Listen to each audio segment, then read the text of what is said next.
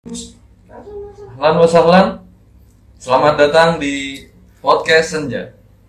Senja adalah apa? Singkatan dari santri enakin. Santri enakin aja. Oke podcast Siap. Senja ya. Eh, Seperti biasa ketemu lagi di Rabu sore menjelang maghrib ya sambil ngisi waktu luang. Nyenja nyenja nyenja. Mau bukan ganjal ya. Bukan bukan. Eh, ya nanti intinya se- setengah jam ke depan lebih kurang lah. Kita bakal berbincang-bincang dengan tema milenial eh tikungan milenial di sepertiga malam. Apa maksudnya nih tikungan milenial? Ya masih bersama dengan Bung Fahmi. Ayo ya saat eh, Bung Abdurrahman Fahmi. Nanti kita bakal berbincang-bincang mengenai tikungan milenial itu seperti apa dan tentu podcast senja kali ini ada perbedaan dibandingkan podcast-podcast senja yang sebelumnya karena telah hadir di tengah-tengah kita bintang tamu. Eh, Al-Ah ya saudara kami Bung Abdul Abdul Qadir Rizi ya Ya. selamat sore. Selamat sore. Masal khair Masa- di sini ada ya udah track Sudah- recordnya dalam malang melintang malam dalam dunia pertikungan. pertikungan Ya. jadi kita nggak mau bahas prestasinya karena nggak ada hubungannya dengan tema gitu. Gak ada meskipun best kerasa nggak efek harus tetap aja ketikung. Tetap intinya masalah tikungan. Masalah tikungan. Sudah berapa kali anda ketikung gitu ya? Apa saja caranya? Insya Allah beliau sudah kebal karena ketikung itu udah nggak bisa dihitung tangan. udah nggak efek pak. Udah. Udah udah apa udah sudah masang APD anti anti tikung anti tikungan. Jadi Lengkap. sebelumnya kita tanya dulu nih bintang tamu kita pada sore hari ini. Eh, sehat ya? Anda manggil Ustadz apa gimana nih? Bung, bung. Bung Izi aja. ya seharusnya sih kalau dari kelas tapi karena anda teman saya gitu dan sahabat saya pastinya beliau-beliau berdua ini adalah sahabat-sahabat saya ya bung aja lah atau serah apa saja Bung Izi ini coba kita mau sebelum kita mulai kita mau dengarkan anu tolong pandangan jangan, umum. jangan dikorek-korek Ya, pandangan umum seputar ini loh. Tikungan di sepertiga malam. Hmm. Oke, Nanti baru kita pretelin apa yang beliau sampaikan dalam pandangan umum. Coba disilahkan. Bismillahirrahmanirrahim Alhamdulillahirabbil alamin wassalatu wassalamu ala sayyidil mursalin sayyidina Muhammadin wa ala alihi wa sahbihi ajma'in Subhanaka la ilma lana illa ma 'allamtana innaka antal alimul hakim Eh, kita mulai walaupun sebenarnya eh, ini bukan sesuatu yang yang pantas untuk dimulai dengan subhanaka la ilma karena ini hanyalah hiburan untuk para kaum-kaum rebahan. Kalau biasa yang saya sebut adalah kaum rabihin ya. Ya orang-orang kaum rebahan.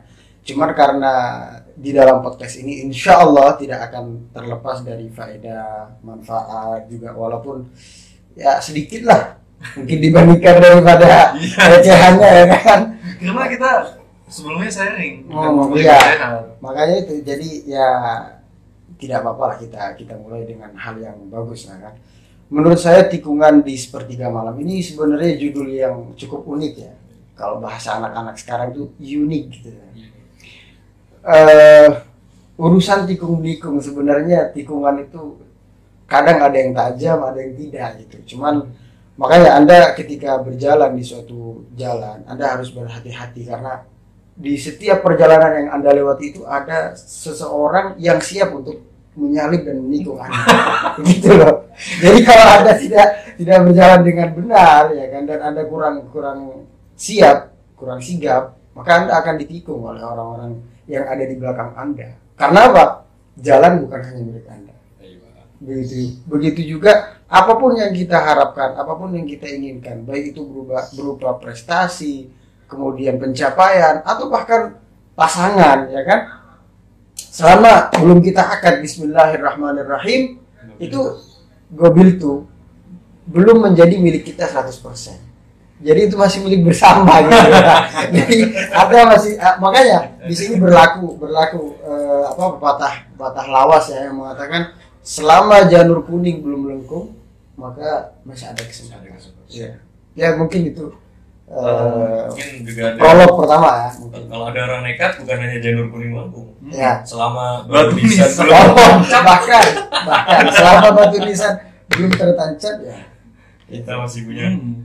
masih Kesempatan. punya seribu kesempatan bahkan apalagi dengan eh, dunia teknologi sekarang ini ya, Iya. yang semakin canggih ya kan. Untuk menikung itu sangat gampang. Udah nikah, sekarang. suami kerja, Wow. lo sibuk traveling. Kenapa otak saya jadi Instagramnya ke mana-mana gitu kan. Tapi begini, Bung Gizi ya, yang ingin kita tekankan di sini tentunya memang eh, yang anda sampaikan tadi kan seputar uh, asal percintaan ya, Hmm. tikung-menikung dalam dunia percintaan. Padahal ya eh, secara secara ini ya, lebih spesifik. lebih ya. spesifik begitu ya. Cuma yang ingin kita lebih eh, sehatkan lagi karena kalau ngomong cinta-cintaan kotor pak. Kotor ya. Tapi memang wajar kalau Bung Izzy langsung menganggap tikungan milenial itu percintaan. Hmm, Ini kenapa? karena emang pemikiran-pemikiran apa? Jangan berpikir orang trauma tuh. susah susah cerita gitu. ya. Waduh. Ya walaupun walaupun sebenarnya tidak tidak sampai dikatakan eh, pada titik trauma ya, hanya sekedar Kapok gitu. ya. Tolong lebih diperhalus bahasanya gitu. Kayaknya kalau trauma itu uh, berat banget kayaknya tuh Iya. pembahasan. Iya sih, kalau dibilang trauma sih enggak. Cuman memang Izzy ini sosok yang nggak perlu psikiater untuk mengobati itu semua. Dia hanya perlu apa ya? Kayaknya penyakit, penyakit saya akut banget ya. dia hanya perlu nyari lagi gitu. Karena di tikung tuh udah jadi passion. Ini jadi passion. Passion ya. Waduh, ini berat ini saudara. Jadi yang merasa yang ditikung terus trauma ditikung trauma itu tolong tenang aja di dunia itu ada jutaan orang. Ada jutaan orang. Satu nolak masih ada jutaan Betul, yang betul, lain. betul sekali. Bahkan warga Indonesia aja sekarang 230 juta. 230 juta. Dan Anda masih berharap hanya satu orang. Iya, jadi dan buktikan dan, dan anda anda harus ingat bahwa setiap laki-laki itu setiap laki-laki disiapkan di- memang di, di, di- disiapkan dalam syariat itu untuk mendapatkan empat perempuan. Wah, Jadi anda nggak perlu pesimis karena anda ditolak atau bahkan ditikung atau bahkan sudah tunangan ternyata batal, Waduh. ya kan? Ternyata dia malah nikah sama orang lain. Jadi anda jangan pernah khawatir. Stok untuk anda masih banyak.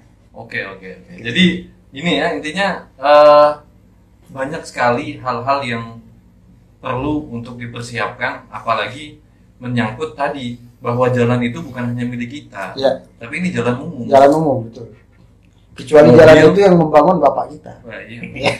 Mobil bisa, motor bisa, Iya. sepeda bisa, skuter beca bisa, pun bisa beca bisa. Iya.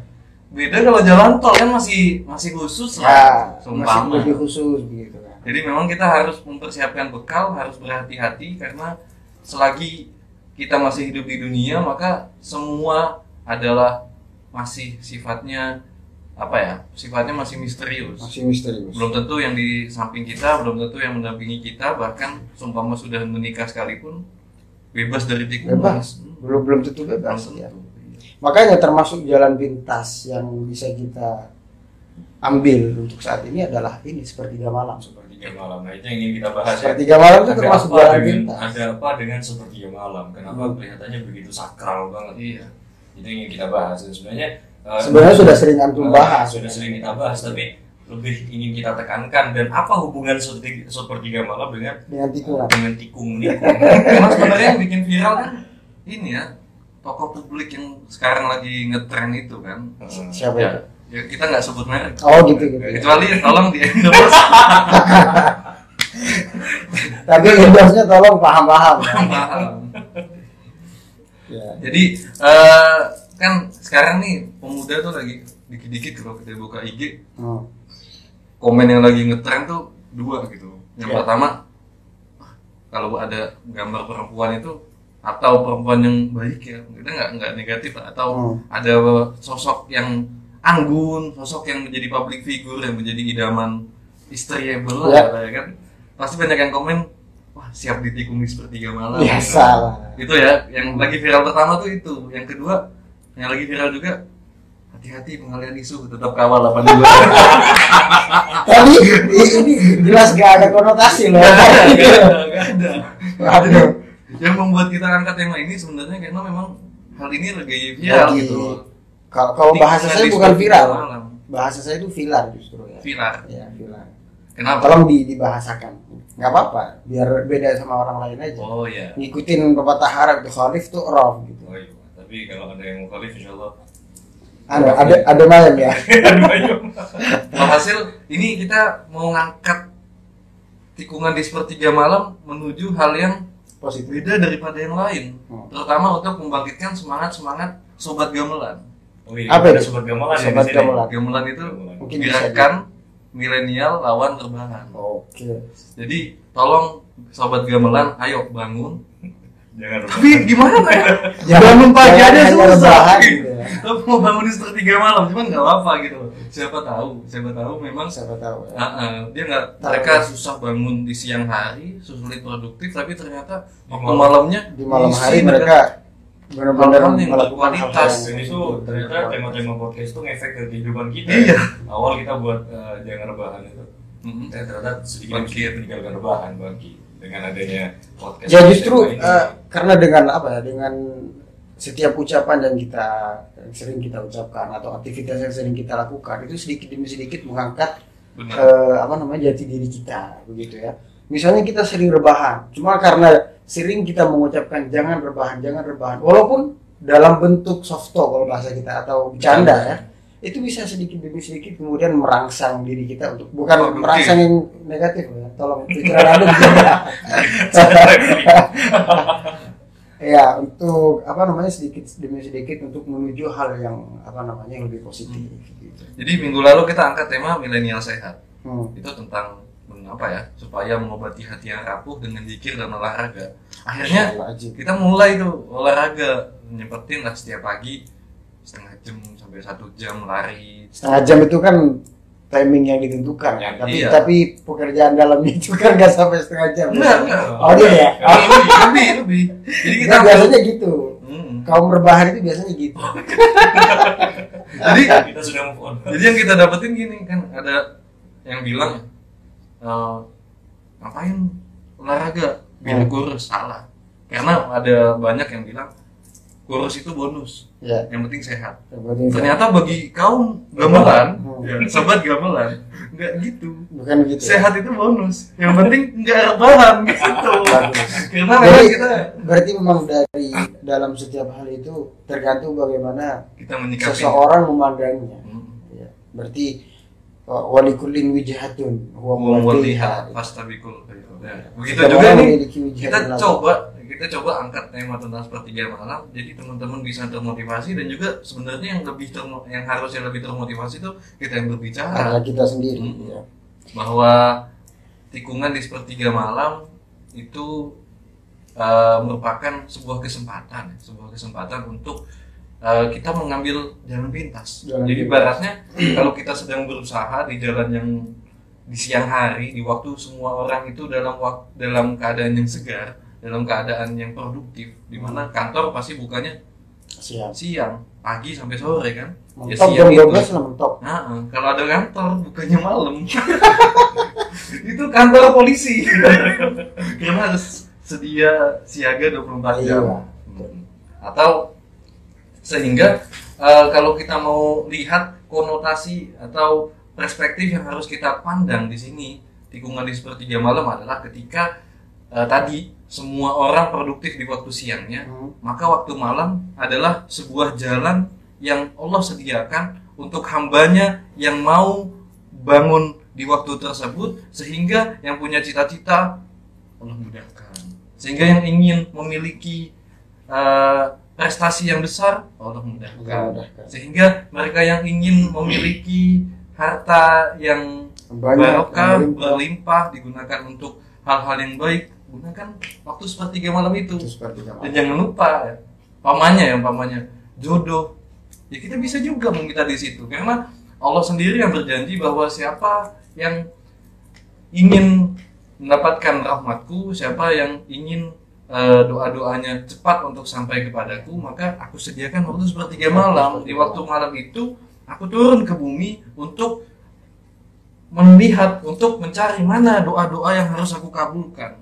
Di saat mereka yang lain tidur, setiap mereka yang lain apa sedang apa ya lalai. terjebak dengan kesenangan duniawi, tapi di situ ada orang-orang pilihan Allah yang rela untuk meninggalkan tempat tidurnya, bangun, bangkit untuk melakukan hal-hal ibadah dan juga meminta kepada Allah Subhanahu wa taala. Jadi eh, teman-teman yang saat ini memiliki banyak problem atau saat ini memiliki banyak cita-cita namun bingung dari mana harus merealisasikannya, maka selain kita berusaha di waktu pagi, di waktu siang, di waktu sore, Allah menyediakan waktu malam untuk kita introspeksi diri untuk menjadi sebuah daya pegas ya. Ibaratnya kalau kita berjalan biasa itu ya bakal sampai tapi lama.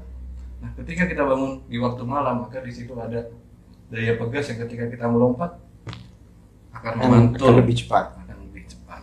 Ya karena memang waktu sepertiga malam itu adalah waktu yang istimewa ya. Dan tentunya sebagaimana sudah hukum alam, sesuatu yang istimewa, yang khusus itu hanya dimiliki dan diberikan oleh eh, kepada oleh Allah Subhanahu wa taala kepada orang-orang khusus yang mencarinya.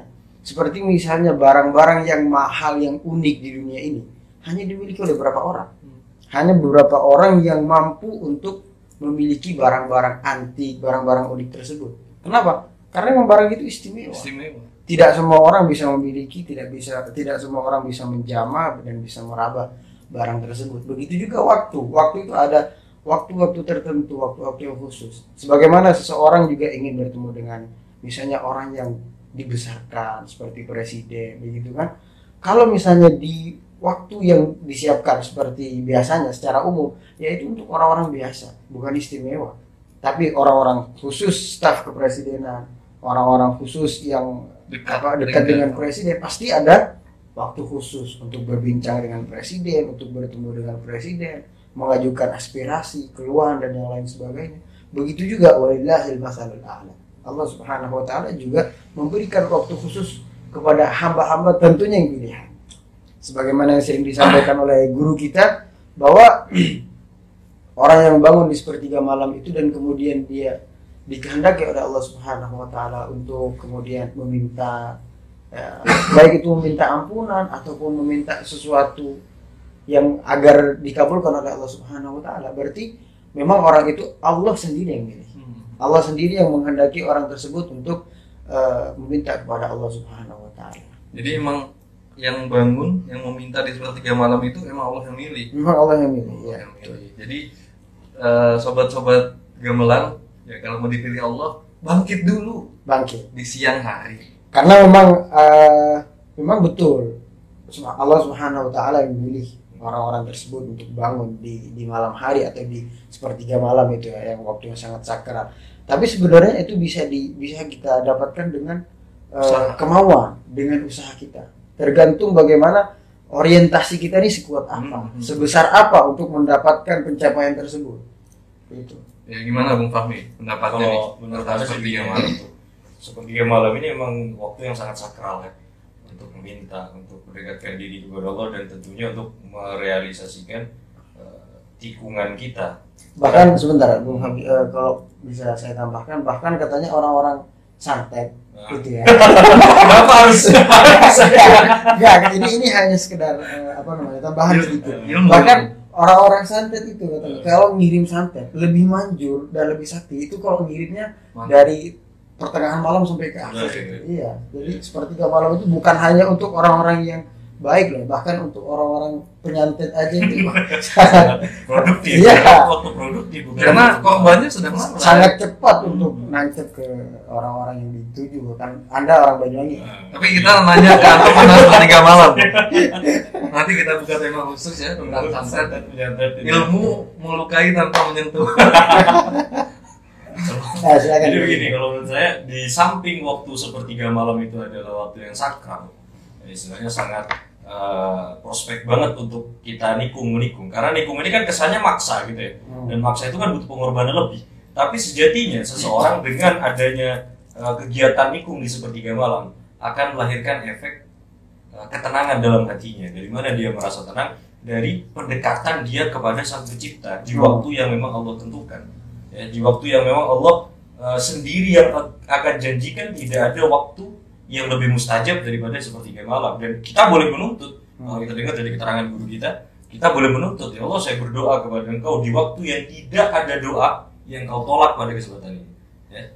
dalam artian ketika kita menikung kita ingin mendekatkan diri kepada Allah dengan unsur beribadah Hmm. dan saat itulah kita mendapatkan ketenangan dalam hati kita dan tenang itu intinya yang kita cari jadi sebenarnya apa yang membuat kita eh, tergesa-gesa dalam ingin memiliki sesuatu apa yang membuat kita gelisah sehingga kita harus datang ke sepertiga malam? Adalah Sehingga- sehingga ketidak- harus menikung. sehingga harus menikung. Adalah ketidakadaan ketenangan dalam hati kita. Maka sejatinya ketika kita datang menghadap Allah di waktu sepertiga akhir malam hakikatnya kita mencari ketenangan. Dan ketika ketenangan itu datang Allah kabulkan permintaan kita dengan Allah hilangkan hal tersebut Hmm. keinginan tersebut dengan diganti rasa tenang. Karena tenang itu uh, separuh daripada keistimewaan Karena ketika tenang kita bisa berpikir lebih Ah, jernih. berpikir lebih jernih oh ternyata hal ini nggak cocok gitu oh ternyata dia dia lebih pantas sama orang lain gitu biarin aja Ternyata ternyata selama ini saya ditakdirkan untuk Uh, hanya menjaga hanya bukan menjaga, memiliki bukan memiliki ya. Ya. tahun-tahun setelah ini kan begitu jadi Hmm. intinya ada pada ketenangan jiwa memang kalau kita hadapi segala hal ini dengan tenang uh, semuanya akan berjalan lebih mudah. Contoh ya contoh. Pokoknya kita lagi lomba nih. Ada 30 orang yang ikut lomba Hmm. kan? Dari 30 orang itu ada satu orang yang bangun malam. Nah. Maka wajar dong kalau yang bangun malam ini dia men- ketika yang lain sedang tidur ketika yang lain sedang beristirahat lalu dia bangun lalu dia beribadah dan meminta kepada Allah wajar kalau dia juara. Wajar. kenapa? Karena dia lebih tenang. Dibandingkan 29 orang lain yang tidak bangun di waktu malam artinya yang membuat nilai lebih itu adalah ketenangannya dan hanya bertumpu kepada usahanya dia Iya, dia tidak mm, yang ketika yang lain hanya berusaha jalur darat, Hmm. dia Dia jalur darat dan langit gitu. Jadi sebetulnya ket- ketika kita uh, punya problem, kemudian kita bawa ke sepertiga malam, kita melibat andilkan uh, Allah dalam urusan tersebut. Sehingga cepat ya. Sebenarnya lebih cepat. Diibaratkan kayak tikungan Nah, gitu. tikungan, Hmm. gitu. Ya, karena- orang lurus kita nikung. Hmm. Kenapa? Karena memang apa pun yang kita minta, apa pun yang kita inginkan, pencapaian apa pun itu bentuknya, baik eh, dari secara materi ataupun eh, apa namanya dari pencapaian secara akademis misalnya atau bahkan jodoh sekalipun, itu semuanya punya Allah. Hmm. Jadi ya ini ada satu titik yang sering kita lupakan dalam setiap upaya yang kita lakukan ya, yaitu adalah terlalu bertumpu kepada usaha kita. Makanya di sini terlalu apa namanya iktimat berpegang teguh hanya ter- terlalu berpedoman kepada mengandalkan kepada usaha dan ikhtiar kita.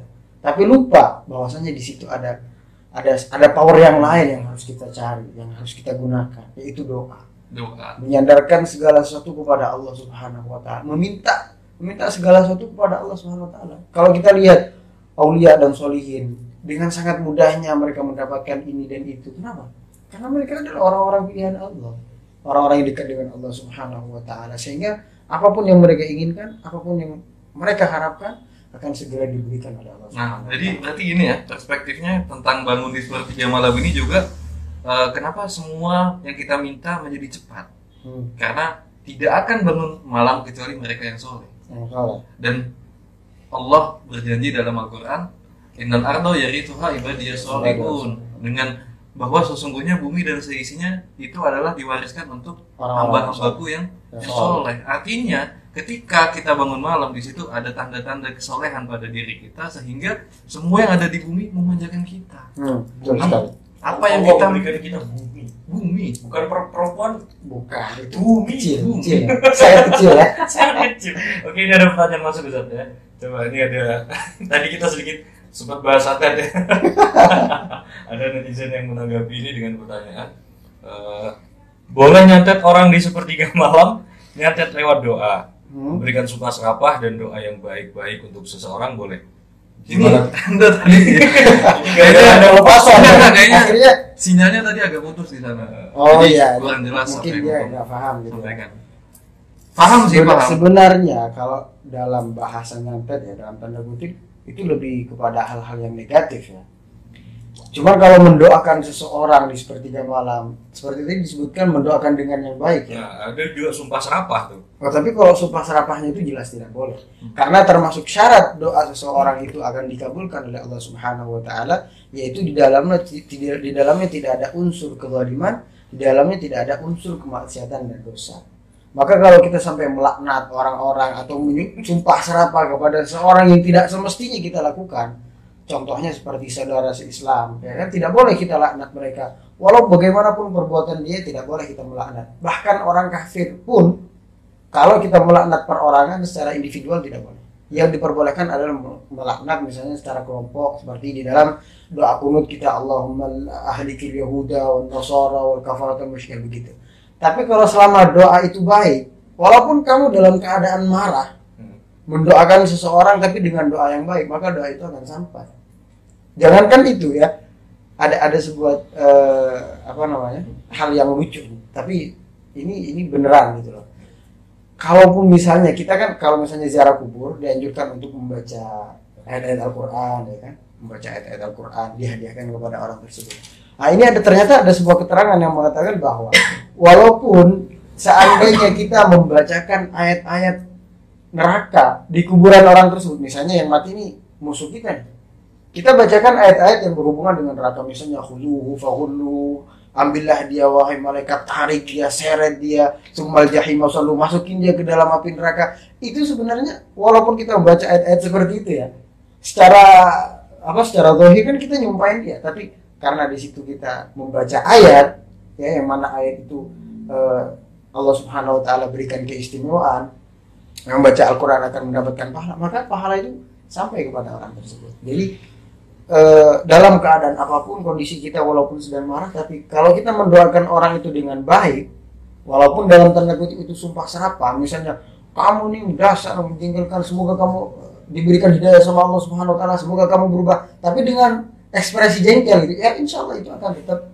eh, terkabulkan gitu. Ini juga ya maksudnya tadi kita jelasin kok bisa nikung tapi bahas nyantet gini artinya ketika kita doa yang baik kan kalau di sepertiga malam aja ini kan sangat cepat untuk dikabulkan Hmm. contohnya ya tadi mereka yang nyantet aja kalau nyantet di sepertiga malam cepet Bukan berarti boleh. bukan berarti boleh gitu. Salah. cuman cepet itu nunjukin gitu loh ketika malam kan memang bebas hambatan ibarat. Bebas. bebas, hambatan. Yang kalau ibarat sinyal itu kalau kita nelpon di siang hari kan agak nyandet nyandet agak nyandet nyandet download itu kan paling enak di waktu malam, malam. gitu kan. Jalan aja kalau malam. Jam Sepi. 12 ke atas sepi, Sepi. lost doll Hmm, Iya. artinya nih doa baik. Jalan kan umum. Iya. Doa baik di situ jalan. Doa jelek berupa santet juga jalan. Iya. Cepet gitu loh cepet. Bukan berarti santet boleh di tiga malam bukan. Cuma kita di sini melihat bahwa semua yang kita minta di waktu malam itu cepat untuk terrealisasi. Yang jelek aja cepet apalagi kalau kita baik. minta yang baik. Ini juga ditambahin akhirnya. Nah, boleh nggak yang nyum, saya sumpahin tapi dengan sumpah yang baik-baik? Contohnya saya sumpahin kamu jadi orang yang bisa selalu bangun malam. Itu bukan nyumpahin itu itu mendoakan itu ya. Cuman kalimatnya aja sumpah gitu ya mungkin karena dia dia, dia lagi jengkel gitu kan. Ah, tapi masya Allah sih? Saya marah. Kamu nikung saya. Gitu. saya doain Ya, kamu jadi seperti- suami yang soleh. seperti baik. orang Arab kan gitu dia kalau marah kalau marah itu makanya orang Arab Allah yahdi itu dia lagi marah tapi doa Doa. gitu kan Allah yahdi mudah-mudahan Allah memberimu hidayah gitu. Ini ada pertanyaan selanjutnya nih. Assalamualaikum Ustaz, saya mau nanya, misalkan kita sholat tahajud nih, Hmm. tapi dalam doa itu kita ngedoain cewek yang kita suka supaya jadi jodoh kita, apakah itu boleh? Sangat boleh. jelas Justru kita mengangkat cewek ini untuk tujuan itu. sebenarnya lebih ke sana Iya, kan. jadi tapi tetap ya kita doa, cuman doa itu kan supaya diperlihatkan jalan yang terbaik oleh Allah. Seumpama Allah nanti wa ternyata yang didoakan, yang disemogakan bukan jodoh kita. Hmm. maka berarti Allah sudah menyiapkan sosok yang, terbaik. lebih baik. ya seperti yang saya terangkan tadi, bahwasanya hakikatnya kita minta di sepertiga malam itu kita di minta kita minta ketenangan Minta gitu loh. Kalau itu jadi milik kita, ya alhamdulillah. Kalau enggak, ya tenang. Jadi Allah yang maha mengetahui ya. Ah, Allah nanti, yang nanti. Allah akan memberikan ketenangan kepada kita. Ketenangan. Oke, ini ada Nanti pertanyaan. ada pembahasan khusus mungkin Ya, Nah, uh, maka- untuk, untuk pengabulan doa. itu. Eh, kalau itulah perbedaan doa dan minta kalau kita minta ya minta kepada orang misalnya minta kepada Allah Subhanahu Wa Taala seseorang yang minta ketika dikasih dia dengan barang itu karena dia mintanya hal itu maka dia akan diberi dengan hal itu pun dengan sesuatu yang dia minta. Tapi kalau doa beda.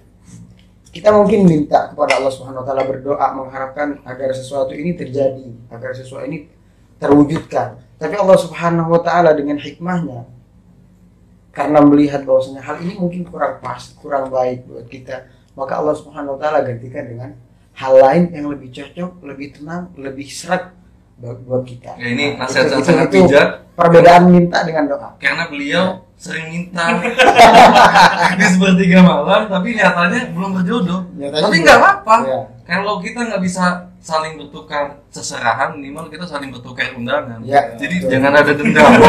Oke. Ini ada Walaupun ini sebenarnya ini nih. ada sedikit propaganda di sini. ada pertanyaan ini menarik banget nih.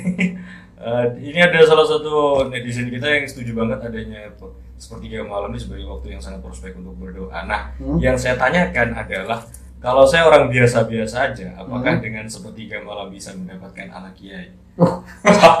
Sangat bisa. Oke begini, doa sepertiga, oke dalam berdoa itu sebenarnya gini, loh, kita diberikan kebebasan oleh Allah untuk meminta apa pun yang kita inginkan kan gitu. Hmm. Jangan ada perspektif atau pemikiran bahwa kita ini nggak pantas. Kalau sudah punya pikiran gitu, gimana Allah mau mengabulkan doa dan harapan? Betul, betul. Bas, makanya di dalam hadis Rasul menyebutkan Allah wa antum muqinuna bil ijabah. Kalian harus berdoa kepada Allah Subhanahu wa taala dan dalam keadaan yakin bahwasanya Allah Subhanahu wa taala akan mengabulkan permintaan kamu. Selagi kamu. yang didoakan memang hal yang mungkin ya. yang baik, yang, mungkin baik, pastinya. yang, yang mungkin yang baik. Jangan Contoh. kan anak kiai, anak presiden aja bisa. Tapi anak Yang penting jangan anak Habib. Anda awal. Ya jadi ini memang sangat menarik dan jadi juga teman-teman ini kita lihat memang ramai sekali karena mungkin banyak ya yang lagi Mungkin banyak yang umur umur segitu. Karena saya lihat follower saya memang umur umur segitu. Gitu. Oh gitu. ini emang sangat menarik banget untuk dibahas. Untuk Nih, diangkat, pertanyaan ya. juga nih. Kalau bangunnya setengah tiga atau jam Hmm. tiga masih bisa disebut dalam sepertiga malam, Ustaz. Ya intinya sebelum sebelum Ini kan fajar. maksudnya sepertiga malam itu sepertiga malam akhir. Ya, Akhir. Jadi sebelum di- subuh intinya ya. Jadi ada sepertiga malam awal dari pada Hmm, Isya pada Isya. sampai jam 10 jam 9 sepertiga malam pertengahan kan gitu sampai jam 12 biasanya. Ah. Nah, dari jam 1 sampai jam 3 itu sepertiga malamnya akhir. Itu Iya, yang paling setengah dua, satu jam satu, antara satu sampai setengah dua ya. Ya, tapi ya itu tergantung waktu sholat di tempat anda masing-masing. Kalau misalnya sholat subuhnya setengah lima, ya anda bangun jam 4 juga masih bisa. Masih sepertiga Jadi, malam. ya. Tidak ada kata telat untuk nikung. Sama- tolong, habis ini nih bahaya juga loh kalau kaum berbahan pada bangun malam, tikungan penuh pak. Akhirnya tabrakan di tikungan. Untungnya jalan Allah lebar ya. Iya. Jalan Allah sangat luas. Jangan masuk raci aja. Mikung. Jadi ya intinya ayo sama-sama kita persiapkan diri menjemput rahmatnya Allah yang Allah bagi, Allah limpah ruahkan, bahasanya mungkin Allah gerjuk di sepertiga malam tersebut. Kalau memang nggak bisa gimana? Ya, Ada telepon. Matiin aja. Nah, jadi kalau emang nggak bisa gimana? Usaha ya. Usaha. Usahanya gimana? Ya banyak ya tips dan triknya. Karena kalau kita juga berkaca kepada eh, mahfudot atau apa ya, yang kalimat-kalimat mutiaranya orang Arab itu kan hmm. man arafa bu'da safari ada barang siapa yang tahu jauhnya perjalanan HP saat ini sudah ada coba alarm. HP anda digunakan untuk hal yang produktif gitu. benar pasti ada alarmnya itu kan entar buat alasan doang. Hmm. saya nggak bisa bangun. Hatta pakai alarm saya nggak bangun. Terus kamu gimana biar bangun? Masih ada yang bangunin. Ya. Cia, doa. Basi. iya doa di sepertiga malam. Atau yang kedua nih makanya beda juga. Sekarang kita ada kopi kan. Siapin kopi Tapi nggak di endorse ya. nggak ada. Ya siapin kopi juga sumpama supaya kita makin khusyuk makin kuat bangun malamnya. Karena Rasulullah sendiri bilang al mukminul gawi Sure. khairun min mukminid dhaif Nah. orang mukmin yang kuat lebih baik daripada orang mukmin yang lemah maka tadi nggak tahu tiba-tiba orang tuh bisa nggak bisa tiba-tiba orang langsung kuat memang Nggak butuh bisa. proses bisa, butuh kita proses. butuh hal-hal yang harus kita persiapkan dengan baik kalau Fahmi tips dan trik supaya bisa bangun malam atau mungkin apa yang biasanya dilakukan di malam hari Oh, kalau saya sih untuk saya eh, untuk tips bangun di sepertiga malam tuh saya bisa pakai biasa pakai alarm pribadi, Pak. Karena Hmm. dalam diri kita ini ada alarm alami yang memang Allah ciptakan untuk kita dan jarang orang tahu dari mana alarm alami itu muncul. Ya dari hati kita sendiri. Kadang kalau keinginan orang sudah kuat untuk melakukan sebuah kegiatan, maka serentak apa sontak hati kita akan tergerak untuk melakukan hal tersebut. hal tersebut, ya. Seperti yang biasa saya lakukan kalau saya lagi nikung nih, kalau saya nikung. Biasanya sebelum tidur saya ternyata pelaku sejarah ya. Iya. Biasanya nggak nikung sih, lebih ke jaga gawang aja. Jadi biasanya saya gini, ngulangin eh, kegiatan apa hal-hal ucapan-ucapan yang positif. Hmm. Seperti bisa kita ulangi, eh, saya mau bangun jam 2. Kita ulangi terus, saya mau bangun jam 2, saya mau bangun jam 2. Dan itu terbukti untuk saya sendiri. Nggak tahu untuk yang lain ya. Karena memang ketika hati sudah terpatri ingin bangun jam 2, Hmm. jam 2 pas secara tidak langsung akan bunyi nih alarmnya. Karena kita sudah Pasti. janjian sama hati kita, jam 2 harus bangun. Ketika jam 2 harus bangun. Meskipun hati kita nggak tahu itu jam berapa, cuma ya namanya alarm alami ya, kan begitu. Kalau bangun mah pasti ya bangun pasti. Bangun. Yang penting ketika kita kita, kita sudah melek jangan uh, laya-laya dulu, jangan ya ada Langsung ada cara ngumpulin nyawa, nggak ada ceritanya gitu. Langsung Langsung diri. duduk. Ini Ya, ada berarti- pertanyaan nih. Berarti itu mungkin eh, apa namanya? Sebagaimana kalau kita pasti nih ya, cowok-cowok nih kan rata-rata pecinta bola. Hmm. Kalau misalnya champion jam 2 main, walaupun kamu tidur jam dari 12. misalnya dari jam 12 atau tidur dari dari awal ya, pasti jam 2 tuh bangun kalau tim kesayangan kamu lagi main. Nah, pasti itu. itu. bahkan tanpa diucapkan Tanpa alarm, juga. tanpa alarm. iya tanpa alarm tanpa mengulangi kata positif nah, itu itu artinya apa kita harus membangun orientasi yang yang kuat di dalam diri kita maksudnya kemauan kita harus benar kita eh, kita bangun gitu saya ingin mendapatkan ini saya ingin mendapatkan ini maka saya harus bangun malam saya harus bangun malam maka setiap pencapaian pasti ada pengorbanan. Bahkan kalau ada usaha orang mau nonton tim favoritnya main, dia rela tidur depan TV gitu. hmm, tidur Rela depan gitu. depan TV Kalau iya. Anda mau sholat tahajud bangun malam ya harus tidur di masjid. gitu. Ya. Ini- kalau perlu ditanyain kasih jada gitu. Ini ada pertanyaan lagi nih.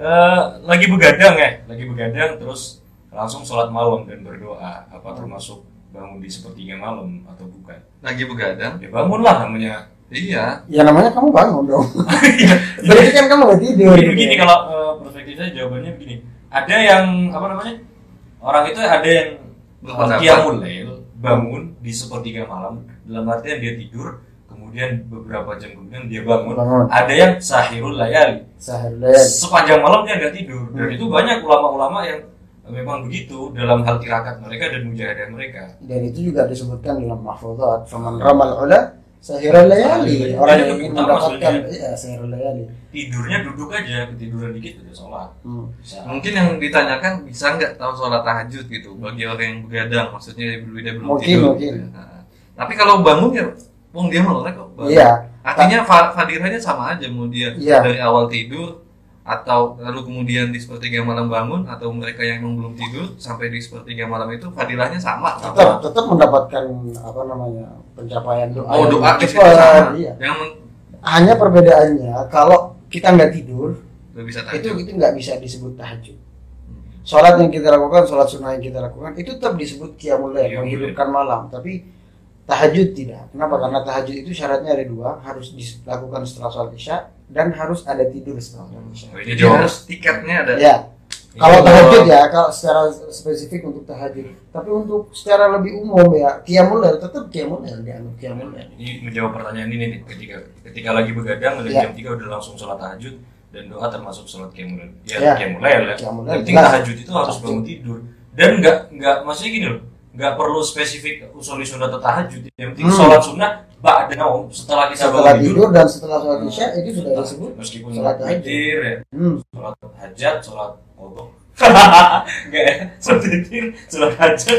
Itu tanpa kita niatkan tahajud sudah. Sudah dianggap tahajud, setelah isya dan setelah bangun tidur. Makanya kalau misalnya dalam waktu Ramadan pun misalnya kita melakukan sholat terawihnya setelah sholat isya dan setelah tidur ya kita dapat dua. Terawih tahajud. oh sekaligus ya? Iya. Hmm, terawih ya? Kalau gitu Kalau tidur terawih. pertanyaan lagi. Nih ini ada uh, apa amalan atau bacaan khusus dan untuk melakukan sholat tahajud? Amalan. Maksudnya untuk melakukan sholat tadi apa? ya apa sholat- biar bangun? iya gimana nih? Ya kita jawab dua aja lah ketika kita sholat tahajud amalan apa yang doa apa yang mungkin mungkin kalau biasa yang baca? pertama mungkin kalau misalnya untuk biar kita bangun malam ada beberapa amalan yang saya ketahui ya. Mungkin nanti bisa dibantu oleh teman-teman. Eh, termasuknya membaca Bismillah 21 kali. Hmm. tanpa nafas sebelum tidur ya. kan cuma sebentar bismillah bismillah bismillah bismillahirrahmanirrahim. Bismillahirrahmanirrahim sampai 21 kali. Kemudian eh, membaca ayat terakhir dari suratul kahfi. Ayat terakhir dari suratul kahfi dan juga membaca eh, doa-doa yang dianjurkan atau ayat-ayat yang dianjurkan sebelum kita tidur. Ya seperti apa namanya?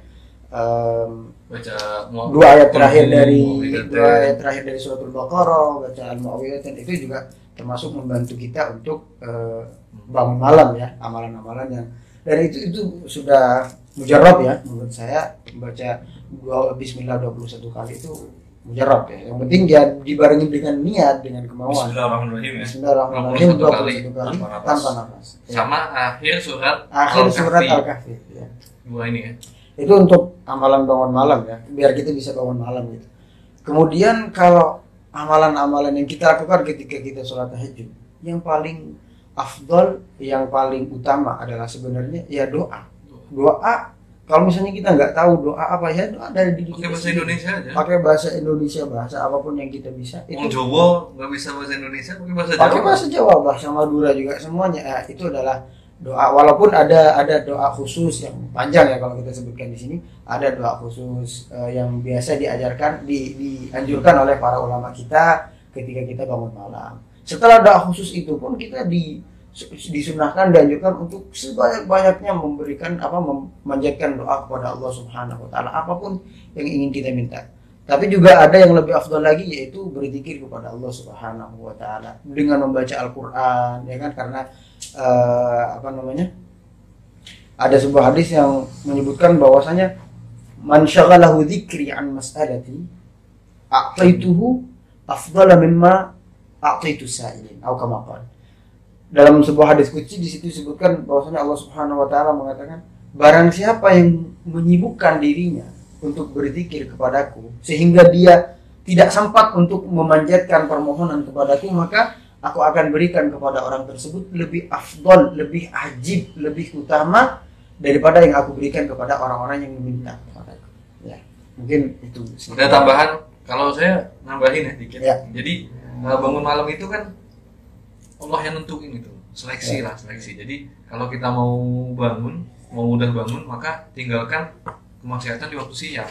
Maka dengan sendirinya Allah akan memilihmu untuk bisa bangun di waktu malam karena waktu apa sangat waktu malam ini para salafun soleh itu sangat menunggu-nunggu dan bahkan banyak dari mereka yang menangis ketika Hmm. azan subuh datang.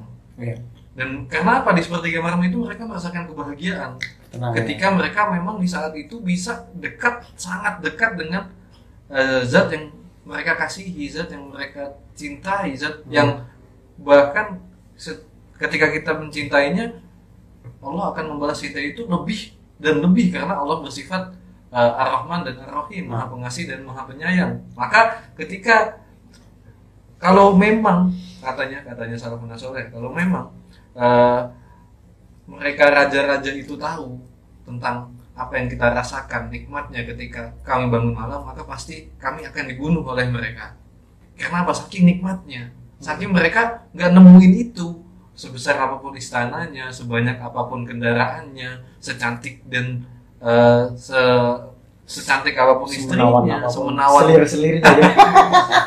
dia nggak bakal nemu kebahagiaan yang mengalahkan kebahagiaan para Orang yang bangun. aulia para uh, orang-orang yang bisa bangun di waktu seperti malam Ahlul lahwi fi lahwihim ah, Ahlul laili fi lailihim afdal min ahlil lahwi fi lahwihim Orang yang bangun malam di waktu malam itu lebih nikmat, lebih utama, lebih eh, merasakan ketenangan daripada orang-orang yang eh, ahli Malah ya. maksudnya lalai, dengan maksiat. maksiat dengan dengan kegemarannya itu lebih enak, lebih nikmat. sedugem apa pun Ya, seenak apa pun Sengefly apa pun. DJ-nya, Iya. sengefly apa pun tetap tetap enak kan lebih seperti dahsyat lebih. Membuat bahagia bangun di waktu malam. Bahagia bisa merasakannya. Jadi, ya semoga semua yang nonton dan kita kita, semua. semua kita bisa semua bisa mengamalkan kaum muslimin juga bisa tahu nikmatnya tersebut. Bukan cuma katanya. Kan kita Bukan selama ini tahunya dari katanya salafun soleh gini. Katanya rasanya bangun malam tuh gini. Pas saya bangun malam tidak ada apa-apa tidak gitu. ada itu makanya kita aja, memang memang ini adalah suatu yang berat ya. Nggak gampang kita untuk mendapatkannya. Jangankan kita. Imam ada salah satu salafun soleh yang bernama imam Malik bin Dinar kalau nggak salah. Itu beliau mengatakan kabatu qiyamul lail ashrina sana. Saya berusaha mati-matian berjuang untuk bisa bangun malam itu selama 20 tahun. Artinya apa? Selama 20 tahun itu dia belum apa belum merasakan nikmat dia masih berusaha terus masih susah payah bangunnya capek bangunnya males ini berat segala macam. Itu selama 20 tahun. Watana amtu biha ashrina kemudian setelah 20 tahun itu baru 20 tahun setelahnya saya baru merasakan kenikmatan yang luar biasa ketika bangun malam. Itu sekelas Imam Malik bin Dinar apalagi sekelas kita. Intinya bangun sekali butuh bisa dijawab. berjuang iya betul. Butuh berjuang pasang alarm jam 3 bangun katanya nih podcast senja kalau kita bangun di waktu malam langsung penuh dengan kenikmatan. Iya. langsung dikabulkan. Lagi ini lagi apa? Lagi akhirnya bangun malam-malam. Pagi. Kok nggak ada apa-apa? Kok malah saya dapat undangan? Padahal saya mendoakan namanya dia tadi. Malah saya yang dapat undangan. Oke. atau eh, kok malah saya nggak nemuin ketenangan itu? Nah, berarti podcast senja penyebar hoax. Bukan tadi. Maling bin dinar saja seorang salafun soleh seorang ulama yang sangat dekat dengan Allah butuh waktu 20 tahun untuk merasakan merasakan nikmatnya. benar-benar nikmat ketika kita bangun di sepertiga malam memang tidak mudah butuh intinya segala sesuatu ya sebagaimana sudah sudah kaprah butuh proses butuh proses nikmati saja proses nikmati Oke, ini ada pertanyaan lagi nih, mungkin yang terakhir aja nih ya. Ya. Nah, pertanyaannya ini, mungkin bisa menjelaskan tentang hadis yang berkaitan bahwa sholat witir adalah sholat yang terakhir di malam hari. Dan seandainya kita apa namanya sebelum tidur sebelum tidur melaksanakan sholat witir, apakah ketika bangun tidur kita masih bisa melaksanakan sholat lagi? Sholat witir berlaku Nah. hadis ini sehingga kita sehingga kita tidak sholat lagi gitu. kalau untuk masalah ini saya lebih memilih untuk wallahu alam saja karena bukan ranah bukan ranah saya walaupun ada ada sedikit gambaran cuman saya tidak berani untuk menyampaikan karena ini berkaitan dengan masalah hukum ya kan dan hukum itu sangat sangat berat gitu ya.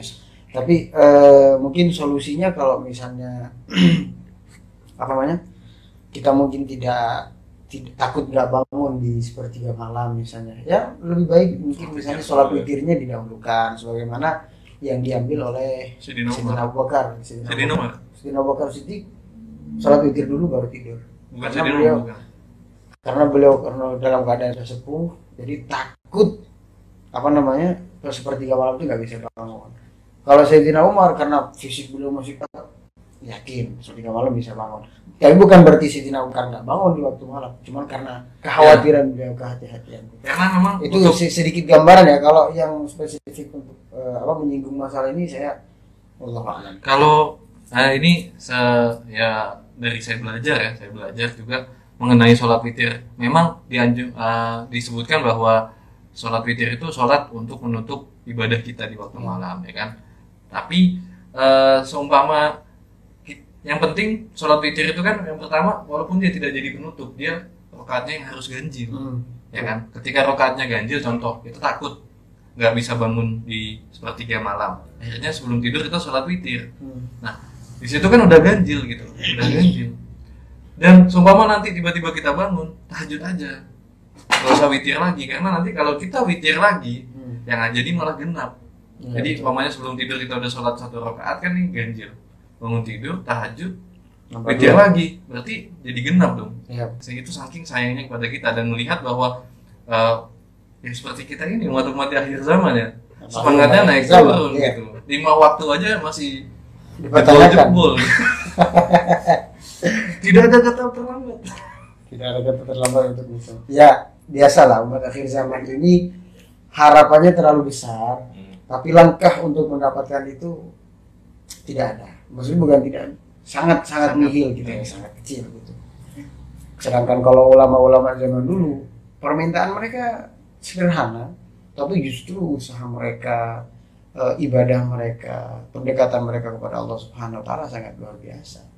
Gitu. Ya, Eh, kita isi kita isi lah intinya. Ayo kita sama-sama niat untuk bersama bisa bangun di sepertiga malam untuk menjemput rahmatnya Allah, untuk eh, menjadi jalan pintas agar harapan kita, cita-cita kita, doa-doa kita Allah cepat ijabah.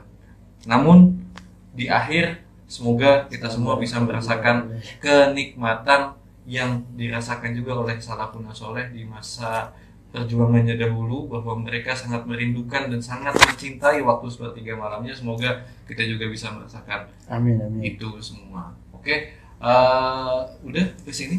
Ya, intinya begini ya kita uh, mengadakan podcast dengan tema ini bahwa untuk memberikan kita pandangan yang lebih luas. Bahwasanya tikung menikung itu tidak hanya spesifik tentang percintaan saja tapi segala macam keinginan yang ingin diwujudkan. Diwujudkan. Nah, oleh Allah Subhanahu wa taala tentunya butuh usaha dan usaha yang paling maksimal adalah seberapa bisa kita bangun di sepertiga malam untuk betul-betul mentahkik dan mewujudkan keinginan kita itu dalam uh, pandangan usaha yang maksimal Ya. dengan tidur apa Ya, bangun di ya sepertiga betul malam. seperti yang dikatakan uh, Akhina Fahmi bahwa tikung menikung itu bukan hanya sekedar tentang perjodohan.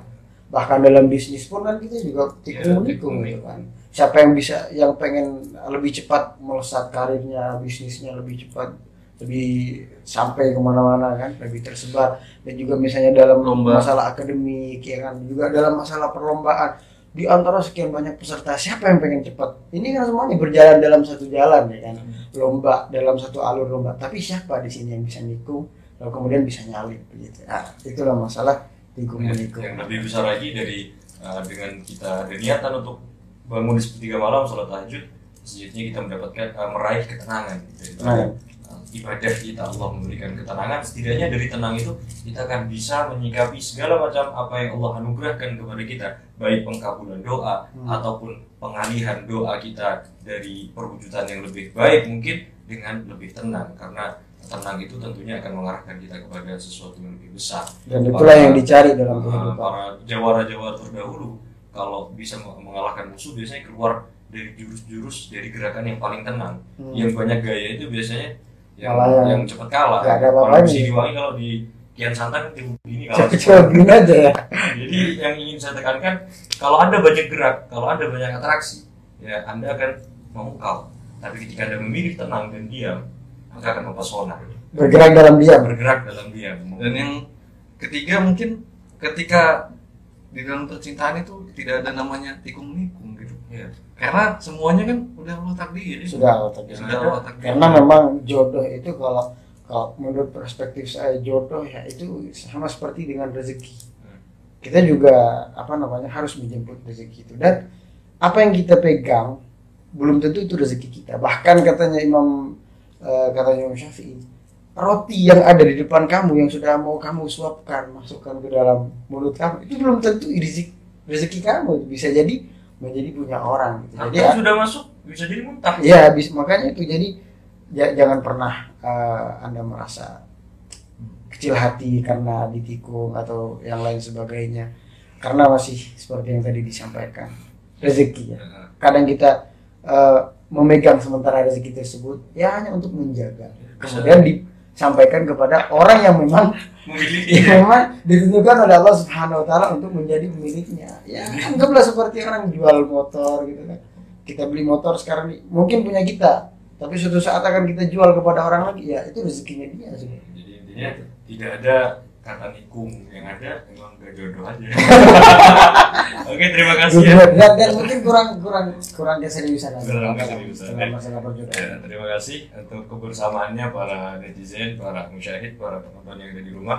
Tetap eh, saksikan podcast senja ya, santri Setiap- enakin aja. Setiap Rabu insya Allah, setiap Rabu sore kita akan hadir dengan tema-tema yang memberikan kesadaran kepada kita kaum milenial untuk lebih bergerak dan menikmati masa muda. atau umpamanya mau memberikan masukan tema yang silakan. mungkin sedang hits atau memang sedang banyak dibutuhkan oleh teman-teman kaum gamelan Harus kita angkat. sobat gitu. gamelan yang harus kita angkat bisa langsung chat saja ke Ya. Bung Fahmi atau Ya, ke mungkin saya ini. atau ke Bung Abdul Qadir Rizi Ya setidaknya di hari Rabu sore itu Anda tidak rebahan gitu. Benar. Walaupun selama sepekan Anda rebahan, ya Rabu itu janganlah gitu ya. Tetap setidaknya mengurangi gitu kan. Nah, tetap gaungkan gamelan ya. gamelan Gamelan. Gaungkan milenial anti Lawan. eh lawan Lawan rebahan. terus juga paman yang ketinggalan gimana Oke. saya sudah terlalu rebahan gitu saya Ini lupa kalau ini hari Rabu gitu Ya tinggal uh, buka IG-nya ini aja bayangin satu tiga di set nanti dan juga kita ada podcastnya di Spotify. Spotify. Ah. Jadi cari aja di Spotify Podcast uh, Senja. senja. Silahkan Silakan didengarkan bisa sambil diikuti. bahan nggak apa-apa. Mudah-mudahan. Ya. ya mudah-mudahan ada manfaatnya buat kita semua Amin, juga amin, amin. ada di sini juga buat para pendengar dan sehingga menimbulkan hasil positif bagi kita semua. Amin, amin, amin. Ya, terima kasih atas kehadirannya. Dan saya sangat senang diundang. Jangan Sebenarnya saya, ya. saya sudah dari lama berharap Berharap bisa udah bisa hadir ke podcast ini. jadi- ini ini prestasi terbesar. sepanas anu sepanas Dedi gitu.